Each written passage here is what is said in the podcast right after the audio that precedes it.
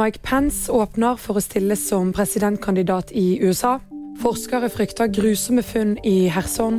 Og Claes Brede Bråten blir igjen sportssjef på hopplandslaget. USAs tidligere visepresident Mike Pence sier at han vurderer å stille som presidentkandidat i 2024, og at han vil stille mot Donald Trump dersom det blir aktuelt. På spørsmål om han synes at Trump burde bli president igjen, sier han at han tror det vil komme bedre valgmuligheter i framtiden.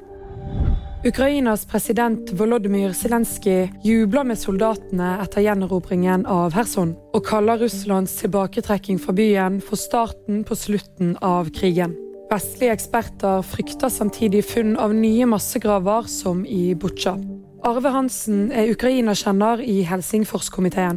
Han sier til VG at bildene fra Butsja og Irpin ikke er unntak, men heller regelen, og at vi kan komme til å se liggende fra Herson. Claes Brede Bråten har fått tilbake sin gamle jobb som sportssjef på hopplandslaget. Det bestemte styret i Norges Skiforbund mandag kveld. VG vet at nyheten er kommunisert internt til ansatte i Skiforbundet. Bråten ble i fjor utnevnt til landslagssjef etter å ha havnet i konflikt med ledelsen i forbundet. Og VG-nyheter fikk du av Hanne Sofie Andresen.